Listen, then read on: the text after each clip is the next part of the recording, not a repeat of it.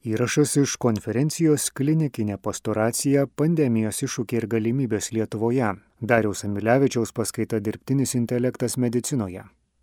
Šiandienos pranešime noriu pasidalinti savo išvalgomis, nuplėšti tam tikrą mito šydą nuo šitų technologijų ir pabandyti jums pristatyti, kaip aš įsivaizduoju kiek įtakos sveikatos apsaugos sistemą būtent šitos technologijos, pandemijos iššūkiai, su kuriais susidūrėme, tai yra gera generalinė repeticija žmonijai prisiminti, kas mūsų laukia, jeigu mes susidurėm su kažkuo, kam nesame pasirengę. Arba iš kitos pusės yra dalykų, kurie žmonėje ištinka, todėl kad jie ištinka. Visai nežiūrint to, ar žmonija to nori ar nenori. Tai yra, ką dabar matome, tai yra mano mėgiamiausia popiežiaus Pranciškaus citata. Jos visos gal neversiu, bet svarbiausia yra tai, kad smagiausiai ir geriausiai mes jaučiamės, kada mes padarome laimingais kitus. Ir kodėl aš šitą citatą dabar parodau, kad prieš kalbėdami apie dirbtinį intelektą mes turime vis tik prisiminti, o kas yra natūralus intelektas. Kuo skiriamės mes nuo to, ką bandome sukurti. Padedami technologijų, žmonija vykdo biblinę tvarinijos valdymo užduotį. Popiežius Jonas Paulius II yra sakęs, kad e, mokslas ir technologijos yra pati nuostabiausia Dievo dovana žmonijai. Popiežius Pranciškus enciklikoje Laudato Si taip pat teigiamai įvertino technologijas ir jų tobulinimą. Tačiau kartu jis nurodė, kad mokslas ir technologijos nėra neutralios. Ir tai, ką labai teisingai išvelgė popiežius Pranciškus, nors ir nebūdamas technologas, tai tą patį pastebėjo ir politikai, ypatingai technologai. Ir jau nuo 2015 metų visas mokslo pasaulis, politikos pasaulis pradėjo labai rimtai susirūpinti, o kas mūsų laukia, kuriant dirbtinio intelekto technologijas, kurias jau vystome beveik šimtas metų.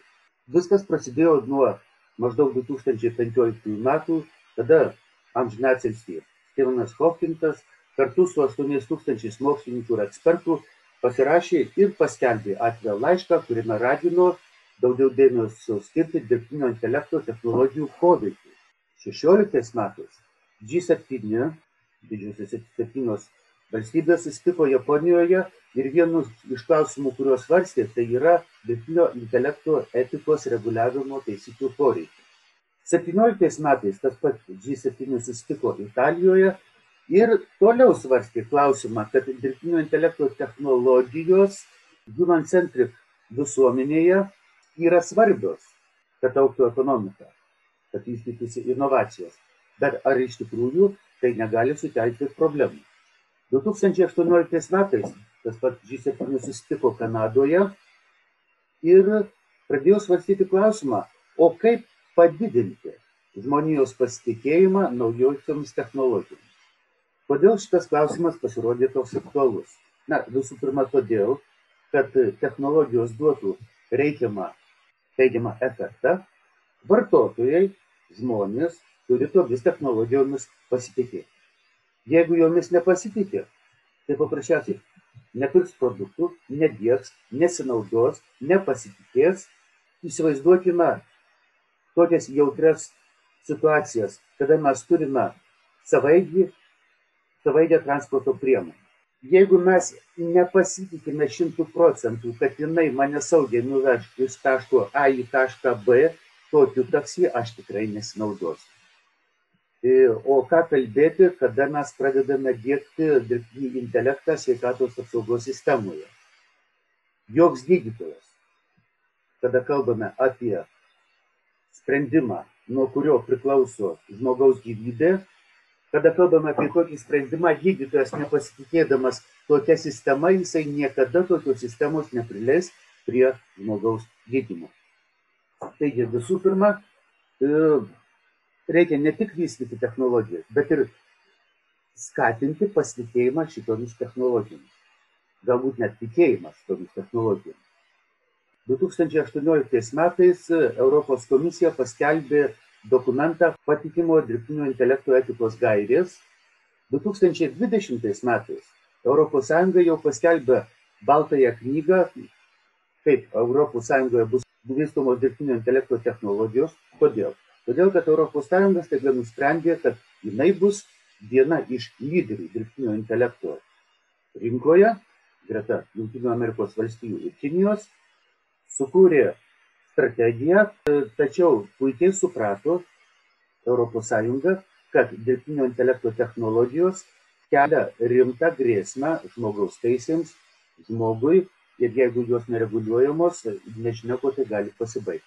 Ir 20 metais, čia visai neseniai, prieš gerą pusmetį, UNESCO paskelbė projektą rekomendacijos, kaip etiškai turi būti reguliuojamas dirbtinis intelektas. Ta dokumentą pats esu irgi rašęs jam komentarus ir turiu pasakyti, kad tai vienas iš geriausių ir rimčiausių dokumentų, kokį esu skaitęs. Taigi jau matome, kad dirbtinis intelektas yra probleminės technologijos, bet gal pirmiausia reikėtų trumpai prisiminti, o kas vis tik yra tas dirbtinis intelektas. Ir dėmesio, mėlyjeji, su gėda turiu prisipažinti, kad iš tą klausimą jums atsakyti negaliu. Todėl, kad iki šiol taip ir niekas nesugeba apibrėžti, kas yra dirbtinis intelektas. Europos komisija, rengdama dirbtinio intelekto etikos gairias, pabandė apibrėžti, kas yra dirbtinis intelektas. Rezultatas 9 puslapių opusas, iš kurio taip ir neaišku, tai vis tik apie ką mes kalbame. Na, apibrėžimas turėtų būti trumpas. Ir mano minėtas UNESCO dokumentas, pernai metais projektą, kurį paskelbė, ir šitame dokumente UNESCO ekspertų grupė netgi nebando apibrėžti, kas yra dirbtinis intelektas. Prašo, tai šiandien dienai sunku apibrėžti, tai labai priklauso nuo technologijų, kuriomis naudojantis dabar tas dirbtinis intelektas kuriamas. Viskas, taškas, einam toliau. Bet vis tiek mes turim apibrėžti savo objektą, tai mano pasiūlymas yra labai trumpai šiandien dienai apibrėžti, kad dirbtinis intelektas tai yra pastangos išmokyti mašiną daryti dalykus, kuriuos šiandien dienai įmanoma padaryti tik panaudojant natūralų intelektą. Anksčiau populiariausias apibrėžimas buvo Rich ir Knight, tai tyrimai, kaip išmokyti kompiuterį daryti dalykus, kuriuos žmogus kol kas daro geriau už kompiuterį. Šiandien dienai šitas apibrėžimas jau nebegalioja. Kodėl? Pirmiausia, todėl, kad kompiuteriai kaip skaitmeninės technologijos jau baigia artėti prie savo fizinių galimybių jėgų, galimybių ribų. Ir čia nesileisiu į mūro dėsnio analizę ir apie tai, kaip silikono pramonėje jau mes beveik pasiekėme tarp molekulinį lygį, taip kad labai abejotina, kad ateities dirbtinio intelekto technologijos bus vien skaitmeninės. Tai gali būti pusiau skaitmeninės, pusiau e, biotechnologijos, kokios jos bus, mes pamatysime, tačiau daryti dalykus, kuriuos žmogus daro kol kas geriau, o ką daro geriau. Ir šiandien dienai jau yra dalykų, kuriuos kompiuteris atlieka geriau už žmogų. Taip kad šitas apibrėžimas jau išties pilnai neapibrėžia, trumpai neapibrėžia, kas yra dirbtinis intelektas. Toliau kalbant apie dirbtinį intelektą, mes turėtume labai aiškiai įskirti, kas yra sąmonė ir kas yra intelektas. Nesileidžiant į filosofinius svarstymus, kas yra intelektas, trumpai sakyčiau, tai yra gebėjimas spręsti problemas. O kas yra sąmonė? Sąmonė tai yra tai, dėl ko mes jaučiame neapykantą jaučiame meilę, jaučiame sąžinės graužimą. Tai yra tai, ko dėka mes save sutapatiname su tam tikra žmonių grupe, su rase, su tauta, su, na ir taip toliau, taip toliau, ir tampame sociumo dalimi.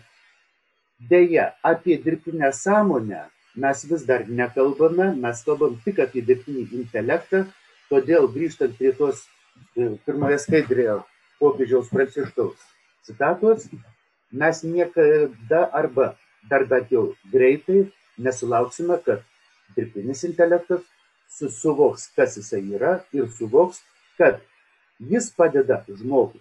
Jis paprasčiausiai sprendžia problemas. Dar vienas labai svarbus momentas, kad dirbtinio intelekto technologijos priklauso besiformuojančių technologijų grupiai. Kas yra besiformuojančios technologijos? Tai yra viena iš varomųjų ketvirtosios pramonės technologijos pramonės revoliucijos technologijų. Ir besiformuojančios technologijos yra tokios, kaip jos kartais užmiega, įvyksta proveržis, paskui vėl užmiega ir tu niekada nežinai, kada jos prasiverš ir su kokiu stiprumu prasiverš. Tačiau šitos technologijos turi potencialą pakeisti status quo. Mėlyjeji nepamirškime, kad dirbtinis intelektas, kaip viena iš varomųjų ketvirtosios pramonės revoliucijos jėgų, įtakoja tai, kas dedasi pasaulyje. Nes pramonės revoliucija pasižymi tuo, kad ji ne tik pakeičia darbo technologijas, kaip mes gaminame, ką mes gaminame, bet ir keičia socialinę struktūrą dirbtinis intelektas, apie kurį mes kalbame, tos technologijos, kurių dėka mes bandome labiau užvaldyti pasaulį, jeigu tai paėmus, tai yra nekas kitas kaip eilinis žmogaus bandymas nukopijuoti motulę gamtą, nuplagijuoti Dievą, jeigu norite. Galima taip apibriežti. Ir čia žmonėje jau turi ilgą ir gerą patirtį. Žiūrėdami į žumis, žuvis mes gaminame laivus ir povandeninius laivus. Ar laivai plaukia? Taip, plaukia. Ar plaukia kaip žuvys? Tikrai ne. Ar povandeniniai laivai nardo? Taip, nardo. Ar jie nardo kaip žuvys? Ne. Žiūrėdami į paukščius mes pagaminome lėktuvus. Ar lėktuvai skraido? Taip. Ar jie skraido kaip, kaip paukščiai? Tikrai ne. Kas dar bendro tarp šitų dviejų pavyzdžių? Žuvys neskesta, paukščiai skrisdami nekrenta povandeniniai laivai tai yra žmogaus kūrinys. Laikas nuo laiko skęsta, o lėktuvas laikas nuo laiko nukrenta. Taigi, jau turint tokią priešistorę, yra labai tikėtina, kad mūsų bandymai nukopijuoti žmogaus smegenis ir jų veiklą, jeigu tai nebus kažkaip reguliuojama ir prižiūrima, gali turėti ganėtinai liūdnų pasiekmių arba neprognozuojamų pasiekmių. Garsusis Artūras Clarkas viename iš savo dėsnių yra pasakęs, kad kiekviena pažadi technologija yra labai panaši į magiją. O vienintelis būdas atskleisti galimybių ribas yra pabandyti jas peržengti link neįmanomų. Bet didžiausia bėda, kuri šiandien dienai jaukia mums gyvenimą, kad nesugebame atskirti, kur yra laboratorijos, o kur yra bandymai ant realių žmonių. Jau iš istorijos žinom ir 15 ir 17 metais, kada didžiosios kompanijos kaip Google'as arba Microsoft'as dirbtinio intelekto technologijų laboratorijas išplėtė ant viso pasaulio žmonių, bandydami savo naujus algoritmus ir puikiai žinome, kaip e, liūdnai išgarsėjo Microsoft'o pokalbių robotas pradėjęs labai greitai drapstytis seksistiniais pareiškimais. Google vaizdų atpažinimo algoritmas, kuris juodaodžius labai greitai supainiojo su gorilomis ir čia buvo pasaulinis skandalas. Na, labai greitai šitos algoritmus jie užblokavo. Taip ir ne, Google'as taip ir nesugebėjo spręsti problemų, kaip atpažinti, kaip atskirti tam tikras rases nuo tam tikrų gyvūnų, paprasčiausiai uždraudė šitą sustabdė naudojimą, tačiau vėlgi nereguliuojama situacija parodė, kad šitas technologijas reikia reguliuoti, jos turi daug potencialo ir į tai turime atsižvelgti. Dirbtinio intelekto efektas skelbia, dirbtinis intelektas yra tai, ko iki šiol dar nėra padaryta. Mėlyje, ir čia turime bėdą. O kas iki šiol dar nėra padaryta? Sakėme, kada kompiuteris sugebės atsakyti į žmogaus klausimą, tada jau būsime, turėsime dirbtinį intelektą. 70-80 metai pokalbių robotai, kad ir į lėkštus klausimus duodami atsakymus, jau tai pradėjo pateikinėti. Niekas nesakėm, kad turime dirbtinį intelektą. 99 metai. Sakome, kada mašina išmoks žaisti šachmatais ir nugalės žmogų, tada jau turėsime dirbtinį intelektą. Deep Blue. Kompiuteris nugalėjo Grosmeisterį Kasparovą. Du kartus. Ar mes jau pasakėm, kad turime dirbtinį intelektą? Ne. Paprasčiausiai pasakėme, taip, mes sukūrėme nuostabiai veikiančią kompiuterinę sistemą, kuri moka vienintelį dalyką - žaisti šachmatais. Taigi, kas dar iki šiol nėra padaryta, dėja, mes negalime apibrėžti, o ką mes norime padaryti. Ir tai reiškia, kad mes iki šiandien dienai, ne tik, kad iki šiandien dienos, ne tik, kad negalime apibrėžti, kas yra dirbtinis intelektas, Bet mes ir nesugebame apibrėžti kriterijų, o kokiais kriterijais vadovaujantis mes galime jau nustatyti, kad mes jau tą dirbtinį intelektą įgyvendinom, jau turime. Todėl šiandien dienai aš kaip technologas galiu pasakyti, taip, mes turime labai tobulas technologijas, kurios daro fantastiškus dalykus. Kaip technologijų entuziastas galiu pasakyti, kad šiandien dienai jau turime užuomasgas tos skaitmeninės intelektikos, tačiau kaip greitai mes pasieksime dirbtinį intelektą, aš nežinau, nes net nesugebu apibrėžti, kas tai yra. Kalbant apie dirbtinį intelektą, mes turime dar nepamiršti, kad e, žmonija susiduria su tokia keista situacija. Nuo net menų laikų žmonės svajojo susikurti mašiną, kuri už juos dirbtų darbus. Ir yra graži legenda, kad e, Albertas Didysis, to mokiniečio mokytojas, buvo pasigaminęs humanoidą, kuris dirbo namų ruošos darbus. Tačiau jis turėjo silpnybę - robotas humanoidas. Jisai tiek plepėjo nuo ryto iki vakaro nesustodamas, kad Tomas akvinėtis neapsikentė, pasėmė plaktuką ir tą humanoidą sudaužė. O paskui parašė, neatsimenu, kokį traktatą, ar ne prieš pagonis, kuriame teigia, kad jeigu sielos neturintis dalykas kalba žmogaus balsu, tai ne kitaip, kaip jame gyvena piktoji dvasia. Čia yra legenda, aišku, istoriškai tai įrodyta ir ko gero niekada nebuvo, tačiau kalbančios galvos viduramžiais buvo labai populiarios, žmonės visada norėjo susikurti mašiną, kuri už žmogų dirbtų. Plus, nepamirškime, kad maždaug nuo 36 iki 45 metų buvo tai vadinamas mokslinės fantastikos aukso amžius, kada pradėtų, pradėtų kurti romanai apie robotus, iš tuo metu rašė garsusis Azimovas, kuris sukūrė robotų etikos prisistatymus. Ir šitie įvaizdžiai, paskui šitais romanais remiantis buvo kuriami filmai ir žmonių sąmonėje jau pradėjo formuotis tam tikri įvaizdžiai robotai raudonomis akimis, uzurpuojantys žmoniją ir skriaudžiantys žmoniją. Ir taip toliau, ir taip toliau. Taigi, dirbtinio intelekto technologijos yra tokios, kurios jau žmonijos sąmonėje turi tam tikrus lūkesčius, turi tam tikrus įvaizdžius ir nebūtinai. Ir žmogus jau į šitą dalyką žiūri kaip jau kažko laukiamas. Nors iš ties mes turime šiandienai labai tobulus įrankius, atpažinti vaizdus ir taip toliau, ir taip toliau, bet tikrai ne tai, ką mes matome kino filmuose, Terminatorius ir panašiai. Nors 2017 metai Emiratai pripažįsta, suteikia pilietybę robotui Sofija. Kada tai įvyko, aš e, pradėjau juoktis ir prisiminiau, tai tiesa, nubraižiau 40 metai, imperatorius Kaligula savo arkliui norėjo suteikti konsulo statusą. Politikai jie jau yra tokie. Taigi, tai, kas vyksta politikų pasaulyje, galima nekreipti dėmesio, jie visada neprognozuojami, o iš technologinio taško, štai mes turime CPU erą. Tai yra kada iš tikrųjų šitas, šitos technologijos buvo vystomos, kuriamos, buvo išties tai, ką mes dabar darome, mes panaudojame, kas buvo CPU eroje kuriam. Kodėl tada nebuvo galima išbandyti, neturėjome pakankamai galingų kompiuterių ir pakankamai daug duomenų, ant kurių galėtume apmokinti. O štai nuo 2007 metų prasidėjo būtent ta technologinė era, kada mes jau turime didžiuosius duomenis, turime galingas, galingą techniką, pajėgę šitas sistemas apmokinti ir štai dabar iš tikrųjų yra proveržis. Ir šitas proveržis kaip tik atsirado laiku.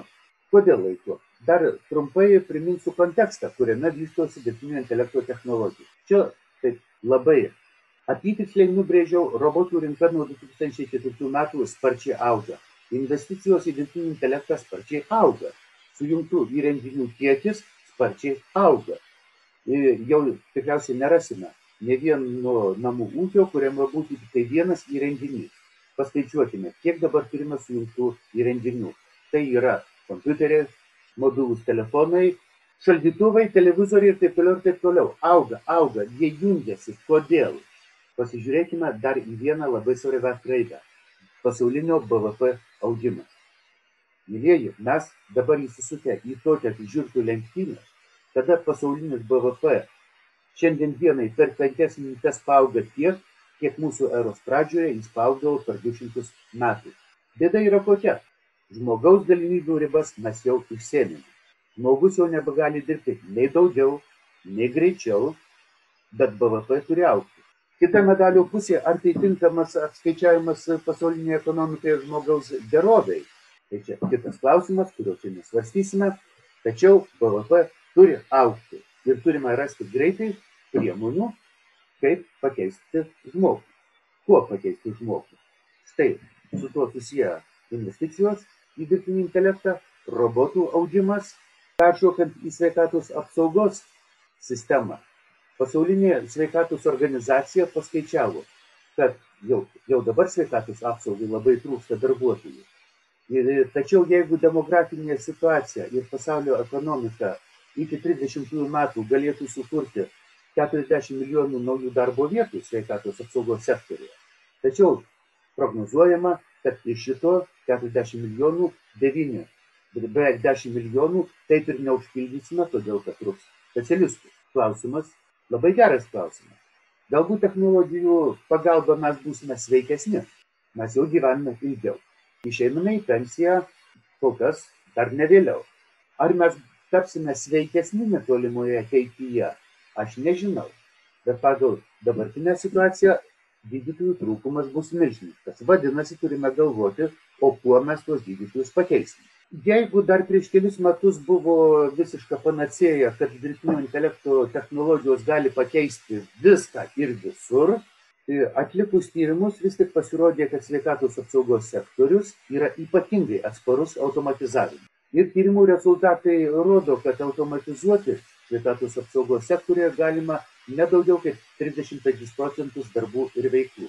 Tačiau aš kalbėjau apie BVP augimą, o čia yra lentelė iš dokumento, kurį aš tuoj pakomentuosiu, kuris rodo, kad ES šalyse narėse BVP išlaidos sveikatos apsaugai nuolatos auga.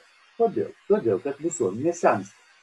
Yra paskaičiuota, kad apie penkiasdešimt metus jau vienas iš šešių pasaulio gyventojų bus virš šešiasdešimt penkių metų taigi jeigu nebus skubiai sugalvota kaip keisti sveikatos apsaugos sistemą išlaidos to nuolat augančio bvp vis didėjančią dalį suvalgys būtent sveikatos apsauga ir devynioliktais metais kairėje pusėje dokumentas čia yra jungtinėse valstijose atliktas tyrimas kiek dirbtinis intelektas gali padėti sveikatos apsaugos sistemai ir kaip ją keičia. 19 metais Anglijoje irgi buvo atliktas nacionalinis tyrimas, kiek dirbtinio intelekto technologijos įtakos sveikatos apsaugos sistemą ir kaip galės keisti ir kas toje sveikatos apsaugos sistemoje gali būti pakeista. Ir dėmesio, dėmesio, pernai metų pavasarį rekomenduoju šitą dokumentą pasižiūrėti. ES irgi paskelbė dokumentą, rimtą analizę, kaip sveikatos apsaugos sektorių pakeis dirbtinio intelekto technologijų. Greičiausiai todėl, kad būtent šitą ataskaitą Europos komisija rengė su firma McKinsey. Ataskaita stebėtinai yra išsami, pilna labai geros statistinės medžiagos ir tai yra vienas iš rimčiausiai parengtų Europos komisijos dokumentų, kuriuos esu matęs. Štai vėl e, dar vienas tai lentelė iš to dokumento, kuriame Europos Sąjunga kartu su ta kompanija atliko labai kruopščią analizę. Na, aš nežinau, ar išsamios šitos pareigybės. Tačiau padarė tam tikrą pareigybių žemėlapį sveikatos apsaugos sistemoje ir pabandė įsivertinti, kurie, kurios yra labiausiai automatizuotinos, o kurių automatizuoti nepavyks. Manęs neklausite, kodėl chiroprakto, praktorologas, nežinau, tik tai 2 procentai jo darbo galima automatizuoti, tačiau, kaip matome, yra tam tikros pareigybės ir profesijos, kurios labai neatsparios automatizavimas. Tačiau yra ir kita medalio pusė. Čia paėmiau kelias citatas iš to dokumento. Priežasis, kodėl tampama slaugytoju, tai yra, kad žmogus nori padėti pacientui išgelbėti sveikatą, jo gyvybę, o ne tam, kad jis įvedinėtų duomenys į kompiuterį apie pacientą. Ir labai gera kito garbaus žmogaus citata, kad geriausias dirbtinis intelektas tai yra ta technologija, kuri dirba nematomi. Ta prasme, jums nereikia rūpintis, kaip suvesti duomenis, jūs galite skirti daugiau dėmesio pacientui ir mažiau dėmesio administraciniam darbui, susijusiam su duomenų suvedimu ir taip toliau.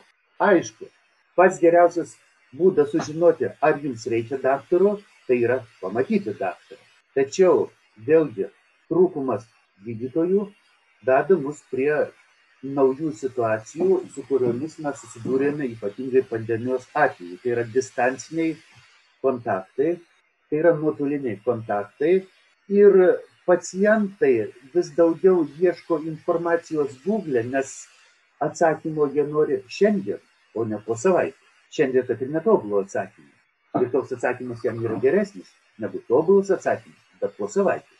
Ir technologijos būtent pradeda keisti tą situaciją, kaip sveikatos apsauga bendrauja su pacientais, kaip galima teikti sveikatos priežiūros paslaugas.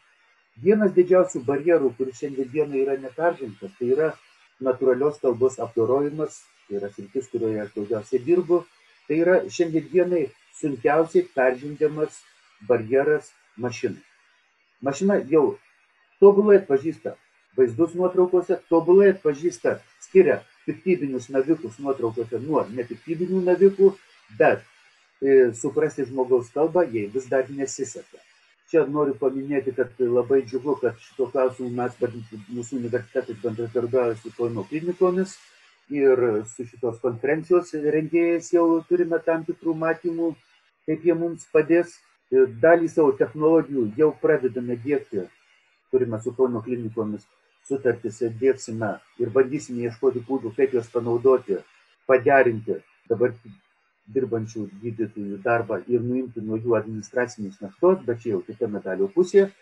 Tačiau bėda yra ta, kad vis labiau tampant paciento ir gydytojo santykiams technokratiškais, į pirmą planą įsiveržia technikos gigantai kaip Amazonas, Microsoftas, Apple'as, Facebookas, Google'as. Čia, aišku, šitoje lentelėje nėra paminėta IBM, kuris irgi labai yra išvystęs sveikatos priežiūros sistemų taikymą sveikatos apsaugos poreikiams ir sveikatos priežiūros poreikiams, tačiau šitie gigantai, mes atėjom trupučiuką į Orvelo apibrėžtus baisius futuristinius matymus.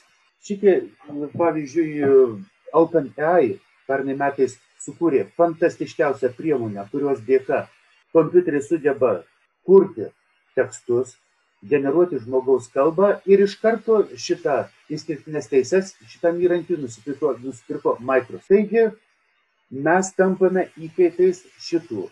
Netgi jau dabar šiais laikais yra toksai terminas PAMGA, kuris apibrėžia šitos penkis gigantus ir mes norėdami ir nenorėdami pradedame tapti šitų gigantų įkaitais. Tačiau iš ties ateitis turėtų būti kitokia, kaip sakė Einšteinas. Kompiuteriai yra nepaprastai greiti, kruopštūs, tikslus, tačiau jie yra kvaili.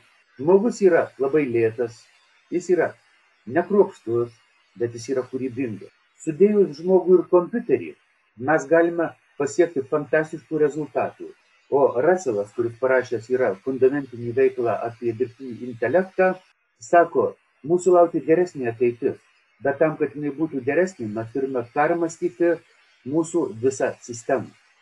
Tai būtent e, ką šiandien tiek padrikų pasvarstymų apie dirbtinį intelektą norėjau pasakyti ir parodyti, kad šitos technologijos keičia socioekonominę sistemą, keičia santykius tarp žmonių, keičia žmogaus santykių su technologijom.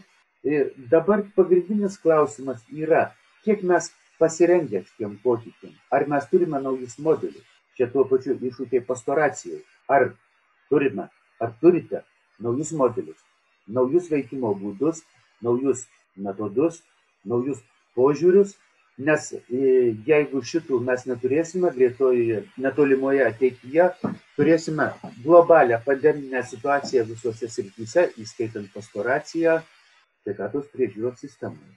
Dėkuoju Jums uždėmesį ir ačiū už kantrybę. Dariau turiu vieną tokį klausimą, pastebėjimą. Dažnai, kai kalbame apie dirbtinį intelektą, žmonės e, bijo, kad e, tas dirbtinis intelektas pakeis žmogų, bet iš jūsų pranešimo galima suprasti, kad be žmogaus jisai dar ilgai neveiks. Galbūt atsakysiu ES oficialių dokumentų kalba. 17 metais ES užsimanė įsteigti specialų elektroninio asmens statusą. Žinote, yra fiziniai asmenys, yra juridiniai asmenys ir dirbtinio intelekto tada būtų buvę elektroniniai asmenys. Tačiau labai greitai to atsisakė, tą pamiršo. Ir šita fantazija labai greitai dingo iš visų europinių dokumentų ir jau dabar Baltojoje knygoje aiškiai pabrėžima. Dirbtinis intelektas turi būti prižiūrimas žmogaus. Kol šitos technologijos bus neskaidrios, yra toks dalykas kaip juodoji dėžė, nes dėja, mes tikrai nesuvokiame, kas dedasi labai didelėme neuroninėme tinkle. Taigi, kol mes nežinosime, kodėl ir kaip mašina priima sprendimą, nes visi puikiai suprantame, jeigu priimtas sprendimas ir, nu, pavyzdžiui, kada man stu, užduodu studentui klausimą, kodėl yra taip, jis atsako teisingai. O aš sakau, paaiškink man, kodėl tu manai taip, o ne kitaip. Jeigu jis man paaiškina, viskas super. Jeigu mašina man duoda teigiamą tinkamą atsakymą, bet aš nežinau, kaip jinai tą atsakymą priemi, aš negaliu būti tikras, kad jinai priemi tą atsakymą teisingų būdų ir kad netolimoje ateityje tokiu būdu priimimas sprendimai neprives prie klaidingų sprendimų. Tai gal čia įsiplėčiau, bet šitą jau dabar visi suprantame ir jau visur akcentuojame. Taip, dirbtinis intelektas be žmogaus priežiūros negali egzistuoti. Jokia sistema be žmogaus priežiūros negali egzistuoti, galutinį sprendimą turi priimti tik žmogus. Girdėjote Dariaus Amilevičiaus paskaitą Dirbtinis intelektas medicinoje. Įrašas iš konferencijos klinikinė pastoracija pandemijos iššūkiai ir galimybės Lietuvoje.